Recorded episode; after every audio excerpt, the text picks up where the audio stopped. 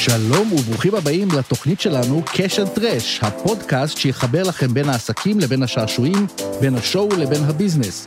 אני אליחי וידל, עורך סיטק של כלכליסט. ואני רותה קופפר, כתבת טלוויזיה ועיתונאית תרבות. למי שמאזין לנו בפעם הראשונה, נספר שהפודקאסט הזה, אנחנו מלמדים ולומדים מהטובים ביותר איך הופכים זבל רכילותי למזומנים מרשרשים, איך מחברים בין המצלצלים למנצנצים. אה, נתחיל הפעם בשאלה קצרה. מה עולה 2,000 שקל, ופעם לבשו אותו מתחת למכנסיים, והיום מעליו? אה, תחתונים. כן. בית האופנה מוגלר הציג השבוע את הלהיט החדש, חוטיני על ג'ינס, כאילו ש... חוטיני שמבצבץ מתוך הג'ינס לא לא היה, מספיק. לא היה מספיק על נורא. הג'ינס. על הג'ינס, ג'ינסיני, אם. תרצו, זה קופי שהמצאתי? עכשיו ואני מוכנה למכור אותו בעלות של 100 מכנסי ג'ינסיני למי שרוצה להשתמש בו. פעם שנייה, ראשונה, שלישית, נמכר. תודה.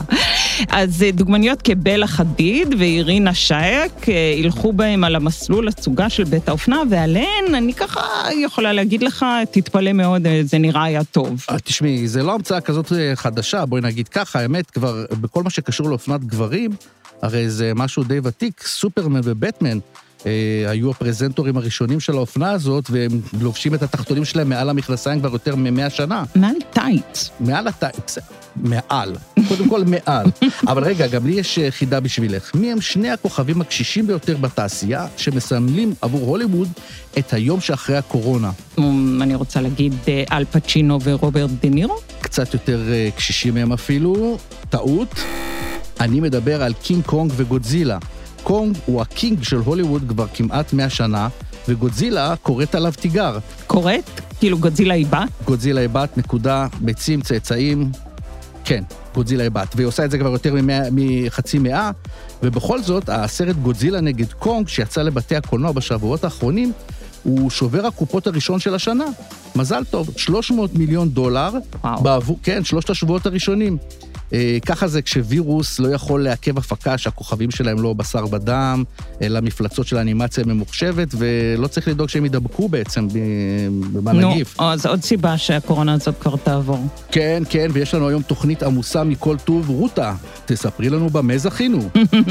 היום נערבב קוקטייל קטלני של אלכוהול ומיזוגניה. נדבר על עסקי האלכוהול שסלבריטאי הוליווד עושים מהם המון המון המון כסף, על היחס השמ... וגם על היחס המשפיל שהכוכבות הגדולות זכו לו במשך השנים, שעכשיו הן אה, ממרום אה, גילן הן מוכנות לספר וגם לשתף. להזהיר אחרות. כן. וכדי להרים קצת את המורל, שלא נשקע כל כך באלכוהול ובסיפורים העצובים של הוליווד, אנחנו נספר גם על שתי חברות חדשות במועדון המיליארדריות של השואו ביזנס. יש לנו המון דברים, אז בואי נתחיל. קדימה. היום אני רוצה לדבר על מה שהולך ומתבסס כתחביב הפופולרי ביותר של הכוכבים הגדולים. אלכוהול. לא התמכרות לאלכוהול חס וחלילה, ובטח שלא גמילה מהטיפה המרה, אלה פעם היו סמלי סטטוס של העולם הישן. כן, אני שומעת את קוביות הקרח בברבן של דון דרייפר. הסלבס הגדולים האמיתיים קונים מפעלים לייצור אלכוהול. יקבים בקליפורניה, באירופה, בניו זילנד, מזקקות טקילה במקסיקו, מבשלות בירה, מותגי וויסקי, וודקה, ג'ין, מה לא. וואו. כל מה שנמזג לכוס ומכיל כך וכך אחוזי אלכוהול, הולך. החברה החדשה ביותר במועדון הזה היא הזמרת ליידי גגה, שהודיעה השבוע, ממש השבוע, על שיתוף פעולה עם יצרנית השמפניה היוקרתית ביותר בעולם, דום פריניון. הזמרת תהיה לא רק הפרזנטורית של החברה, היא גם תשיק מהדורה מוגבלת וייחודית של שמפניה ורודה שתיקרא קווין דום, והאריזה של הבקבוק תכלול פסלון בעיצוב, בעיצוב אישי של הליידי. שמפניה ורודה, מאיפה זה נשמע לי מוכר? כן, יותר מדי מוכר עבורנו.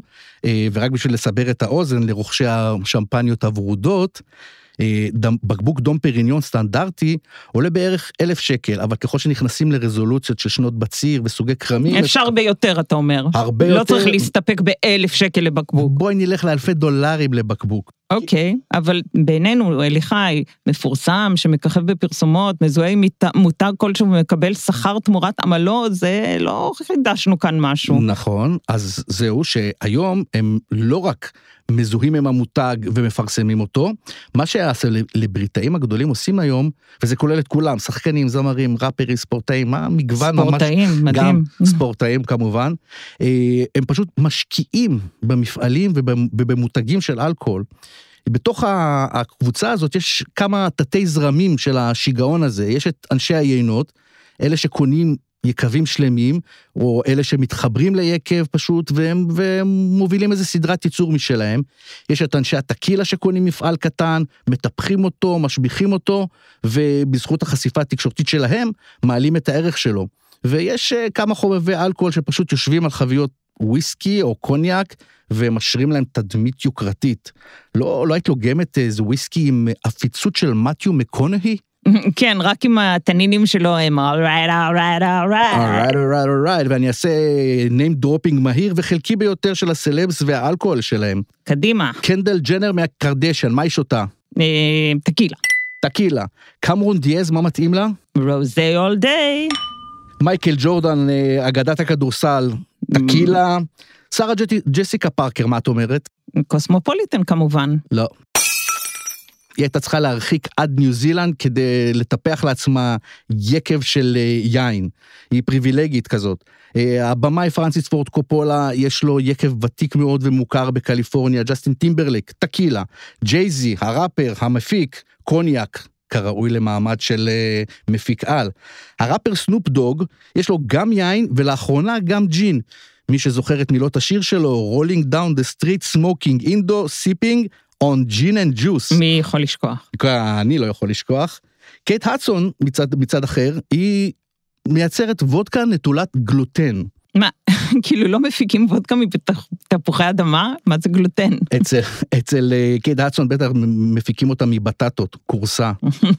ויש גם מרי ג'יי בלייג' וקיילי מינוג וג'ייסון פריסלי מ-90210 והבמאי ג'יימס קרוון, לכל אחד מהם יש יקב משלו. טוב, עונת יובש אין כאן, כן? יובש וטעם בחיים. ו- אבל לפני שניכנס פה למספרים ולסכומים שהעסקים האלה מגלגלים, יש סיפור אחד שממחיש בצורה הטובה ביותר כמה הביזנס הזה חשוב לכוכבים. אה, ברד פיט ואנג'לינה ג'ולי, מכירה? מכירה. לא חיים ביחד כבר ארבע, חמש, שש שנים לפחות, אבל מיזם משותף אחד שלהם בכל זאת ממשיך להחזיק אותם ביחד, כיוון שהוא מניב להם עדיין המון המון המון כסף. לפני עשר שנים בערך הם אה, רכשו בפרובנס שבדרום צרפת יקב משפחתי, שאטו מיר, מיראבל. כדי ש... לא יודע, אולי גם שיהיה לילדים אה, איפה כן, להתרוצץ שם. ומעניין אם כאילו זה יעלה במשפט, אה, יש להם עכשיו אה, לא משפט, אלא סתם איזה סכסוך מאוד גדול ופומבי, מעניין אם היקב יעלה. אני חושב שזה, שזה בהסכם הטרום נישואים שלהם אולי הדבר הזה, זה כל כך הרבה כסף. את יודעת, למרות שהם חיים בנפרד, עדיין הם ממשיכים לבצור דולרים ירוקים מהענבים האדומים שבבעלותם. לבצור ולצבור. לצבור ולבצור, כן, יפה. אה, והם באמת צוברים, הם צוברים גם אה, פרסים אה, על, ה, על היינות, על הבקבוקים שהם מייצרים, ועד כדי כך שיש אחד הבקבוקים העיקריים בתפריט, העיקריים ביותר בתפריט שלהם, יש לו תג מחיר של מעל, מעל עשרת אלפים דולרים. שווה לכל כיס. כן, כן, אבל ביקשת מספרים, אני ממשיך עם מספרים, גברת, ככה זה. הנה, ג'ורג' קלוני הוא אחד מאלה שעשו את המכה האמיתית. ועם מה? עם טקילה. הוא עשה אקזיט רציני ביותר, מיליארד דולר. מיליארד דולר שמענו, שמענו, מיליארד דולר, כן. שווה מיליארד דולר. אה, ואת זה הוא קיבל על מפעל לזיקוק טקילה שהוא הקים ביחד עם חברים בשנת 2013. תוך ארבע, ארבע שנים מהקמת הביזנס, פשוט קנו אותם ושילמו עבור היקב הזה, עבור המבשלה הזאת, מיליארד דולר. הסכום הזה הוא כל כך היסטרי, אפילו לכוכב ברמה של קלוני, שממילא הוא מרוויח אה, עשרות מיליונים מפרסומות ומהשתתפות בסרטים, אה, וכששאלו אותו באיזה ראיון, אה, על השכר שהוא מקבל כשחקן, הוא אמר, ואני ממש תרגום ממש חופשי, הוא אומר, קריירת משחק, אני בכלל לא צריך לעבוד, מכרתי מפ- מפעל טקילה במיליארד דולר מחורבנים. טוב, לפחות אנחנו יודעים שחלק מהכסף אה, המחורבן הזה נתרם למקומות טובים אה, במקרה של אה, במקרה קלוני. של, במקרה של קלוני כן, אני לא יודע מה במקרה של כוכב נוסף, ריאן ריינולדס, שהוא שחקן סבבה, אבל נכון, לא... ויפה גם. חתיך, כן. אבל לא לגמרי בסטנדרט של, של קלוני, והוא עשה תרגיל קלוני, אבל לא עם טקילה, עם ג'ין. הוא, ריינולדס, שהוא נודע בתפקיד דדפול, שהוא גם כן אחד מגיבורי או גיבורי העל הפחות הירואיים של מרווין, הוא קנה לפני שלוש שנים מפעל לייצור, לייצור ג'ין, Aviation American ג'ין, ותוך שנתיים הצליח למכור אותו תמורת 600 מיליון דולר. אה, גם בעסקה הזאת היה מעורב תאגיד אלכוהול בינלאומי, וגם כאן חילקו את הכסף בין הסכום שזרם ישירות לבנק שלו, וכאלה, שסכום נוסף שהתפזר על, על פני כמה שנים. כי החבר'ה האלה, זה לא שהם לא עובדים בשביל ההשקעה שלהם, הם דווקא עובדים והם עובדים נונסטופ. וזה בדיוק מה שחברות אלכוהול גדולות, אה, שקונות בכסף שלהם אה, את המפעלים האלה, זה מה שהן רוצות. הן רוצות פרזנטורים שנמצאים כל הזמן בתודעת הלקוחות הפוטנציאליים. בסרטים שלהם, על שערי מגזינים, במדורי רכילות, בתוכניות אירוח, 24/7 גם ברשתות החברתיות. אה, ריינולדס למשל, ניהל סדרת מימים מצחיקים בחשבונות הטוויטר שלו והאינסטגרם, שיש לו שם 37 מיליון פה ועוד איזה 17 מיליון שם, והוא סחף את כל עשרות המיליוני העוקבים שלו. אבל uh, מי שאני מעריך, אני משער, מנחש, שיעשה את המכה בקרוב, אני מקווה, אני מניח שגם הוא uh, מקווה לזה, ומשתמש באותו מודל עסקי, זה דוויין דה רוק ג'ונסון. אמ, אוקיי, מה אמרת דוויין דה רוק? הוא כן, כבר כבר כן, כן, כבר, הצליח. כבר מכר, כן. כבר, כבר נמכר. מיליארד אצלו. כן, כן, הוא, הוא הלך כמו קלוני על טקילה, והקים מפעל. עכשיו, הוא, כבר בשנה הראשונה לפעילות של החברה, הם דיווחו על מכירה של בסביבות 400, 300 או 400 אלף ארגזים. ואני אעשה לך חשבון מהיר אותה, עשרה בקבוקים בממוצע לארגז, 30 דולר לבקבוק, yada yada yada, ka-ching, 100 מיליון דולר. תאר לך שהשאלות אה, אה, הבנה במ- במבחני חשבון היו כאלה, כמה- כמה קל היה ללמד אה, אנחנו נגיע לשם. מתמטיקה. אנחנו נגיע לשם. בכל ארגז- אופן, אני, יש לי כבר hangover מכל האלכוהול הזה, והמספרים, והמודלים העסקיים האלה. אז רגע, רגע, תתני לי עוד- דרינק אחד קטן, קטן, קטן, ואני מבטיח, אני לא אנהג, ניקח מונית אפילו בחזרה, אני מבטיח. אוקיי. דרינק קטן. כדי לסגור את כל הבר האקטיבי הזה. אני, כדי לסגור את זה, אז אני אגיד אה, שאי אפשר בלי קונטקסט חברתי, גלובלי, אקטואלי, ואנחנו מדברים על הקורונה. הבירה, לא, המגפה. אוקיי. כי גם במועדון, במקרה הזה של מועדון האלכוהול של הסלבריטאים, המגפה הזאת השפיעה על הטרנד, היא האיצה אותו, היא האיצה את צריכת האלכוהול. יאללה, הכל עובד לטובתם, נכון? אין קולנוע, בסוף- וכזה לא מוצאים סרטים, אז אפשר אז לשתות נעשה את כסף האלכוהול קצת שלהם. מהאלכוהול. כן, לא, אז אנשים פשוט יושבים בבית, אה, מטביעים את יגונם בכוס משקה, אה, לא יוצאים למסעדות, אז הם קונים בקבוק אחד אה, במחיר, של יפה. משקה אחד, אגב, כן, ב- בקבוק אחד בבר. במשקה של כוס אחת כן. במסעדה. אה, זהו, עכשיו את יכולה להגיד לברמן שיעשה לי חשבון. יאללה, צ'ק פליז.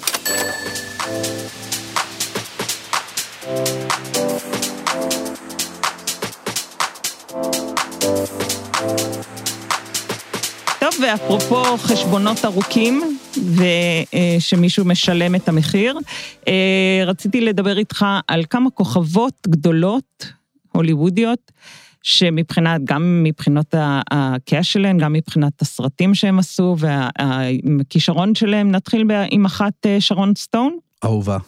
ההון שלה נאמד ב-60 מיליון דולר, ולפי אתר סלבריטי נטוורט, שמנתח את רמת ההכנסות עד הסנט האחרון, היא מרוויחה 28,219 דולר ו-18 סנט ביום 18. בדיוק. שתעגל לי ואת כל ה-18 סנט שיש לה ליום. צרוק לנו, תזרוק נסתדר לי, איתו, אני כן. אסתדר. אז אותה סטון כתבה עכשיו אה, ביוגרפיה, The Beauty of Living Twice, היופי שבלחיות פעמיים, ושם היא מספרת, אה, הכוכבת הזאת שעכשיו ממש חוגגת, אה, חגגה בחודש שעבר 63, על חוויות שונות, טובות ורעות בחייה, ואנחנו נדבר על אלה שקשורות לעולם הקולנוע, שבעיני אנשים מסוימים הופכים אותה, בהיותה שחקנית למותג או מוצר. מוצר. למשל, בוא, בוא ניתן לך דוגמה די מדהימה בעיניי. אה, בשנת 2001 היא נכנסה לניתוח להסרת גידולים לא ממאירים משדיה, וכשהיא יצאה מהניתוח, היא גילתה שהרופא, מבלי להתייעץ ולשאול אותה או לקבל את הסכמתה, הגדיל את שדיה במידה אחת שלמה. מה, מה, מה, מה לעזאזל אנשים חושבים שהם עושים כזה דבר? מה, הוא, מה צריך להיות? הוא כנראה, הוא, הוא, היא כותבת שהוא חשב שהוא עושה, עושה אותם טובים יותר, את השדיים שלה, והיא אומרת, הוא שינה את הגוף שלי ללא הסכמתי.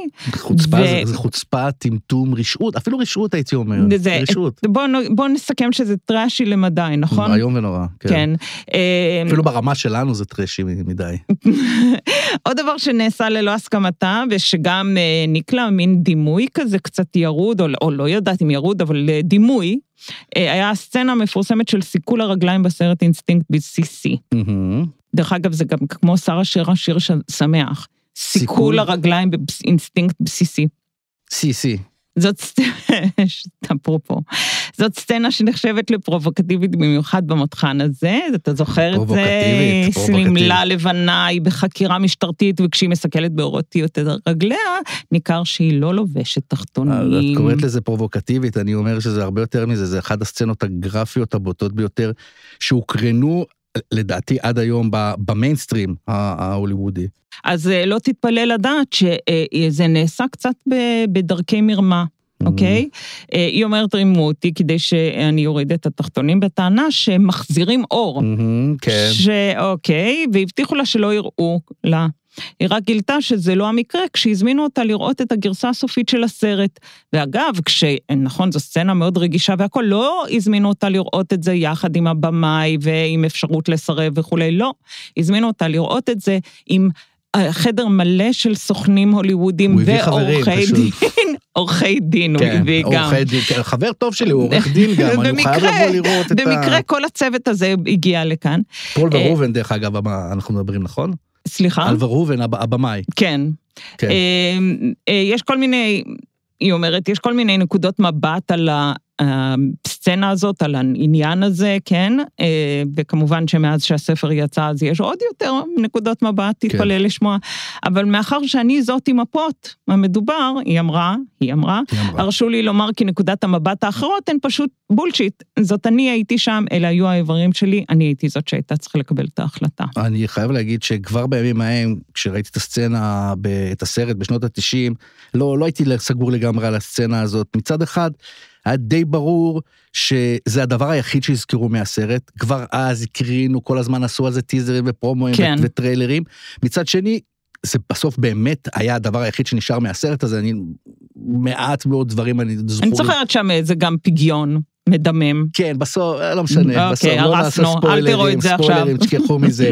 אה, אבל דבר נוסף, אבל, שכן זוכרים מהסרט אולי, אני לא יודע, זה שאחד השוטרים המציצנים באותה סצנה, היה שחקן שמיד לאחר מכן נודע כניומן מסיינפלד. ניומן. ניומן. טוב, אה, אז השחקנית הזאת מזכירה אנשים רבים, באמת רשימה ארוכה ארוכה של גברים בעמדות מפתח שהציקו לה לאורך השנים. מה שמעניין, אגב, זה שוודי אלן, שאיתו היא עשתה שלושה סרטים, לא נמצא לא שם. זה מעניין בגלל הסדרה שעכשיו יצאה, ושם מדברים על, אה, על עיוותים מיניים קשורים כן. במשפחתו כן. וכולי. אנחנו תמיד חוזרים לוודי אלן הזה.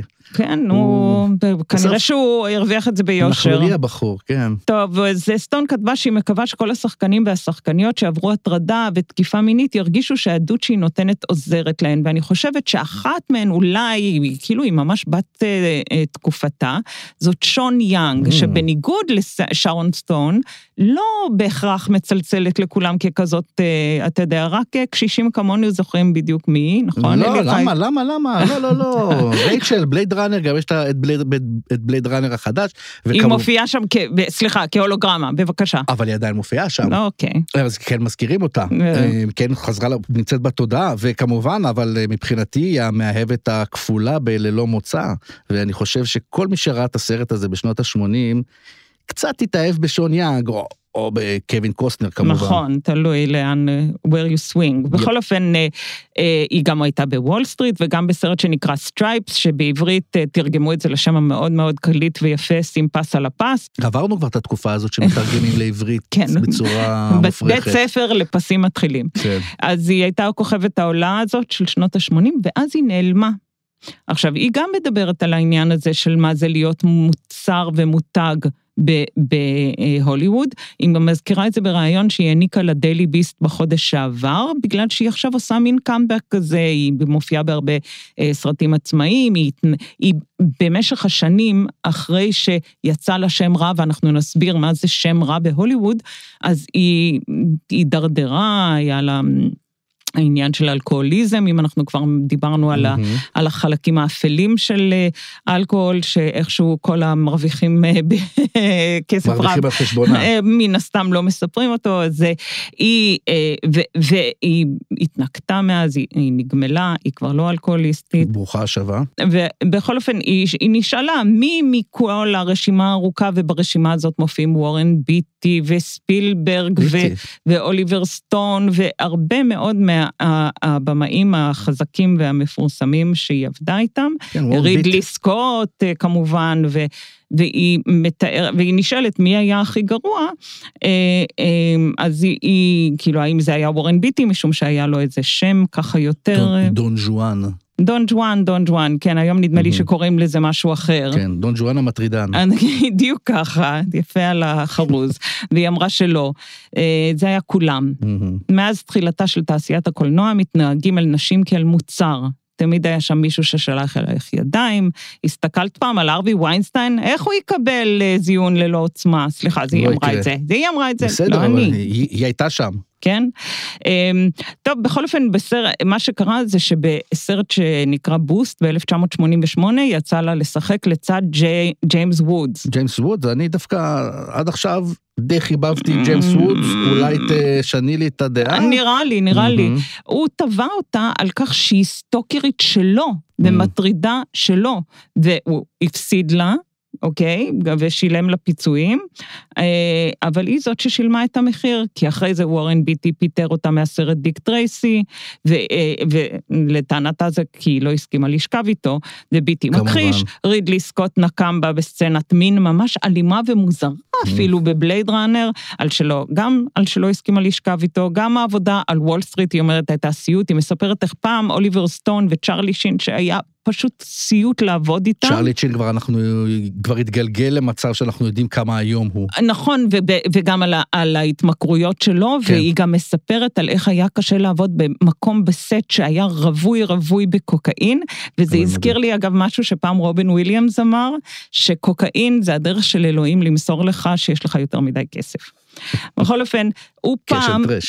אוליבר סטון אה, הדביק לה, תראה מה זה האיש הגדול והמפורסם הזה ובמאי חשוב וכל זה, הדביק לה פתק על הגב שהיה בו כתוב, אה, אה, המקבילה לזה זה בעברית, אני חושבת, אה, נגיד שזה בעברית, שרמוטה, מבלי שהיא שמה לב, ורק מייקל דגלס, ששיחק אז בסרט, את, הס- אה, הוא היה הכוכב של הסרט, והוא היה הצדיק היחיד ב- בסדום, הוריד את הפתק מבלי שהיא שמה לב, אבל אחרי זה סיפרו לה מה שהיה. כן, דגלס דרך אגב הוא קצת די נקי כזה מה- כן, מהבחינה הזאת. נכון, נכון, הוא מענץ'. עד שמישהו פתאום מפוצץ משהו. מענץ' וגם הוא ממשיך לשחק ומרשים מאוד.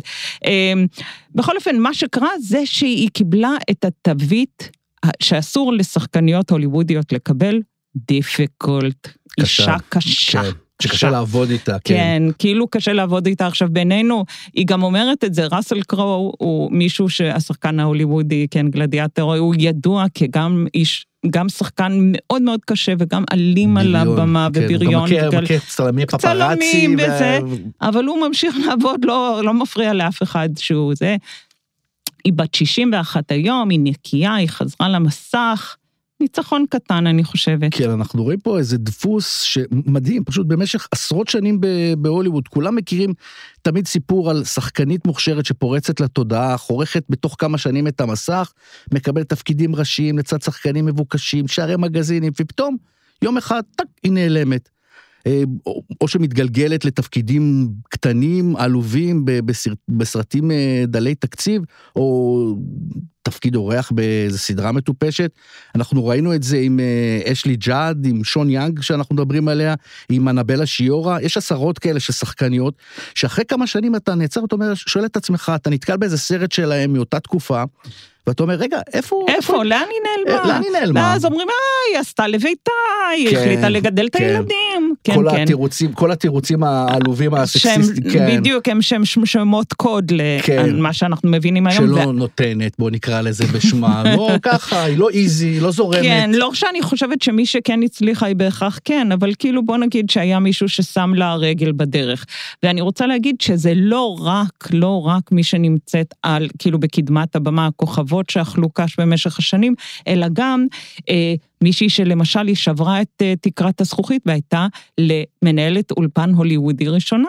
שקראו לה שרי לנסינג. עכשיו, היא הגיע, יהודייה שהגיעה לישראל לפני הרבה שנים, ויצא לי לראיין אותה. Mm-hmm. ולקראת הראיון יצא לי, מצאתי איזה ספר שכתב דון סיגל, הוא כתב על חייו, ושם הוא מזכיר אותה. הוא מזכיר סצנה נורא נורא אה, אה, ספציפית בסרט, אתה זוכר מי זה דון סיגל? במאי כזה של אקשן שנות ה-70. בדיוק, מה זה אקשן שנות ה-70? של הארי המזוהם. הארי המזוהם, כן. אוקיי? אז הוא... אה, הוא כתב את האוטוביוגרפיה הזאת שלו ב-1993, והוא מספר על ישיבה שהתרחשה ב-1977, ולנסינג אז הייתה ראש מחלקת תסריטים. כאמור, שלוש שנים אחרי זה היא כבר הייתה אה, מנהלת אולפן.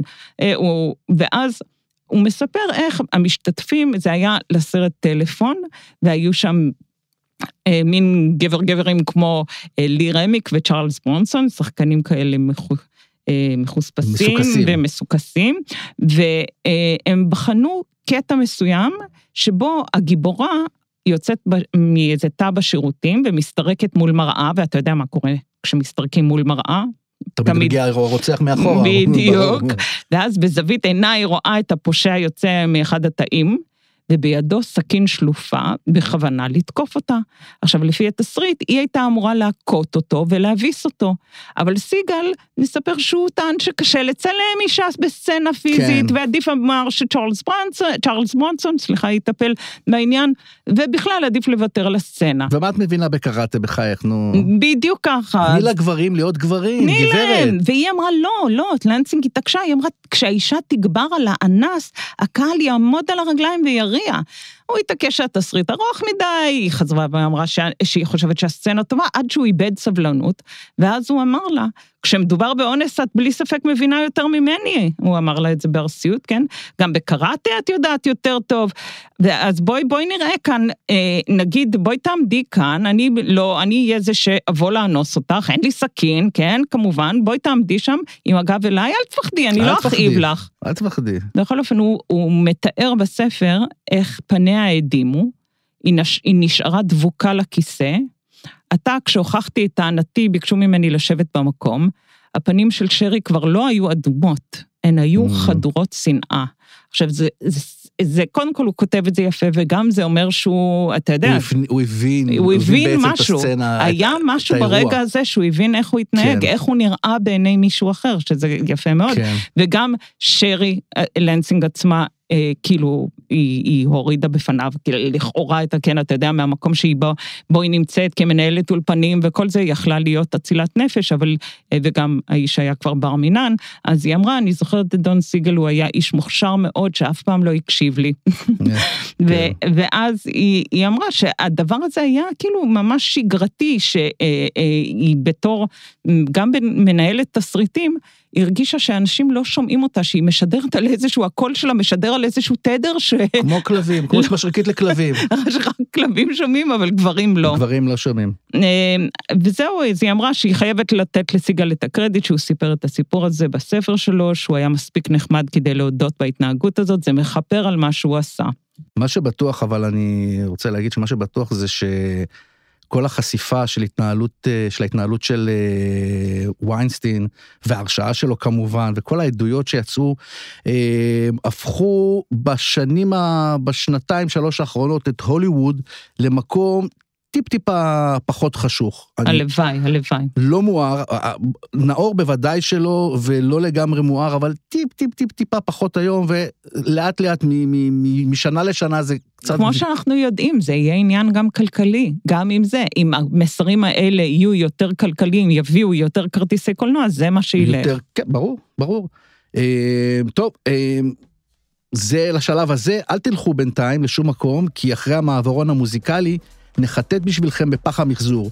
בפח המחזור אפשר למצוא המון שאריות עסיסיות מהארוחות המפוארות שהסלבס זרקו לפח בשבוע שעבר.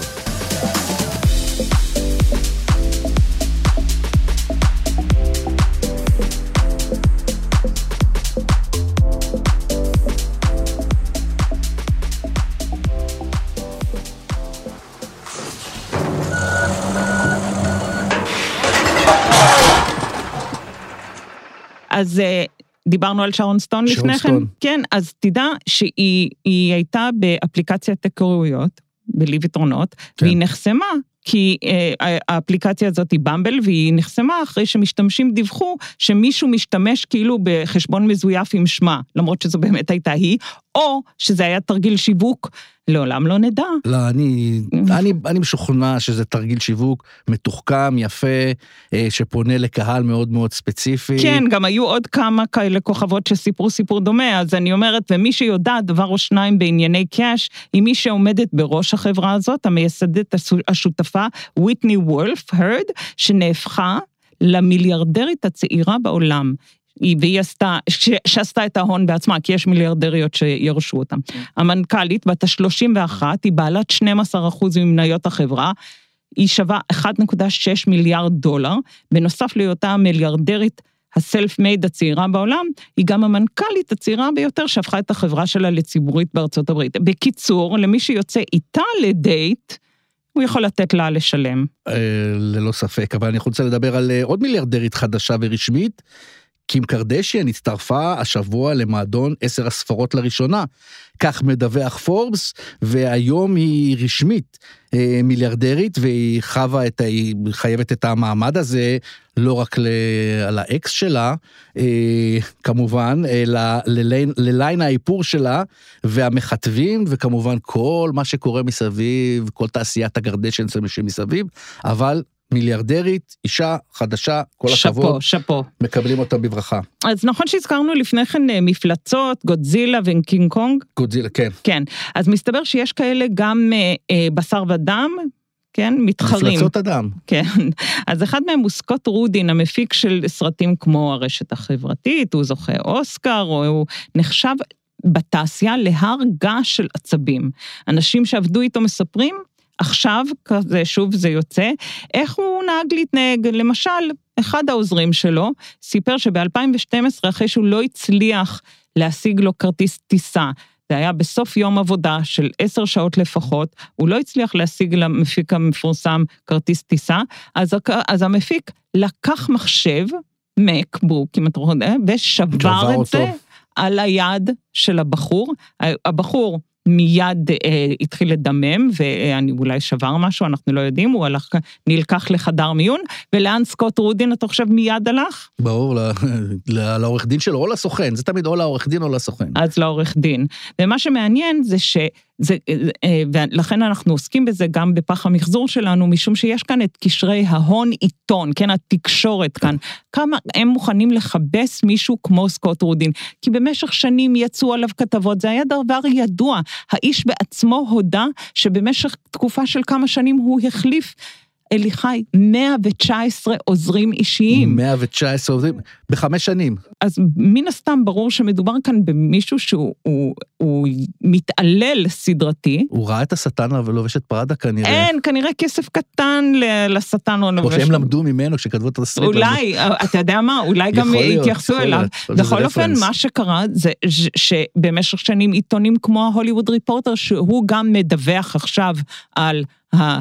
אה, על הספר. עוזרים ה- ה- המתעל- הטוענים. שהוא מתעלל בהם, אז אה, הם קראו לו האיש המפחיד ביותר, אבל הם אמרו גם שהוא שרמנטי וכריזמטי. הלבינו אותו. כן. בקיצור. גם בוול סטריט ג'ורנל, אגב, בקיצור, קראו לו בוסזילה, אני כזה, בוסזילה. ל- אם זה רציתי מחזיר אותנו להזכיר. למפלצות כן, שלנו בתחילת בדיוק התוכנית. ככה.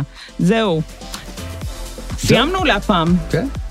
אם תרצו שננבור בשבילכם במדמנה כלשהי, פנו אלינו ברשתות החברתיות, נעטה כפפות גומי ונתפלש בשמחה. אני רותה קופפר, לרוב שומרת על ניקיון כפיים.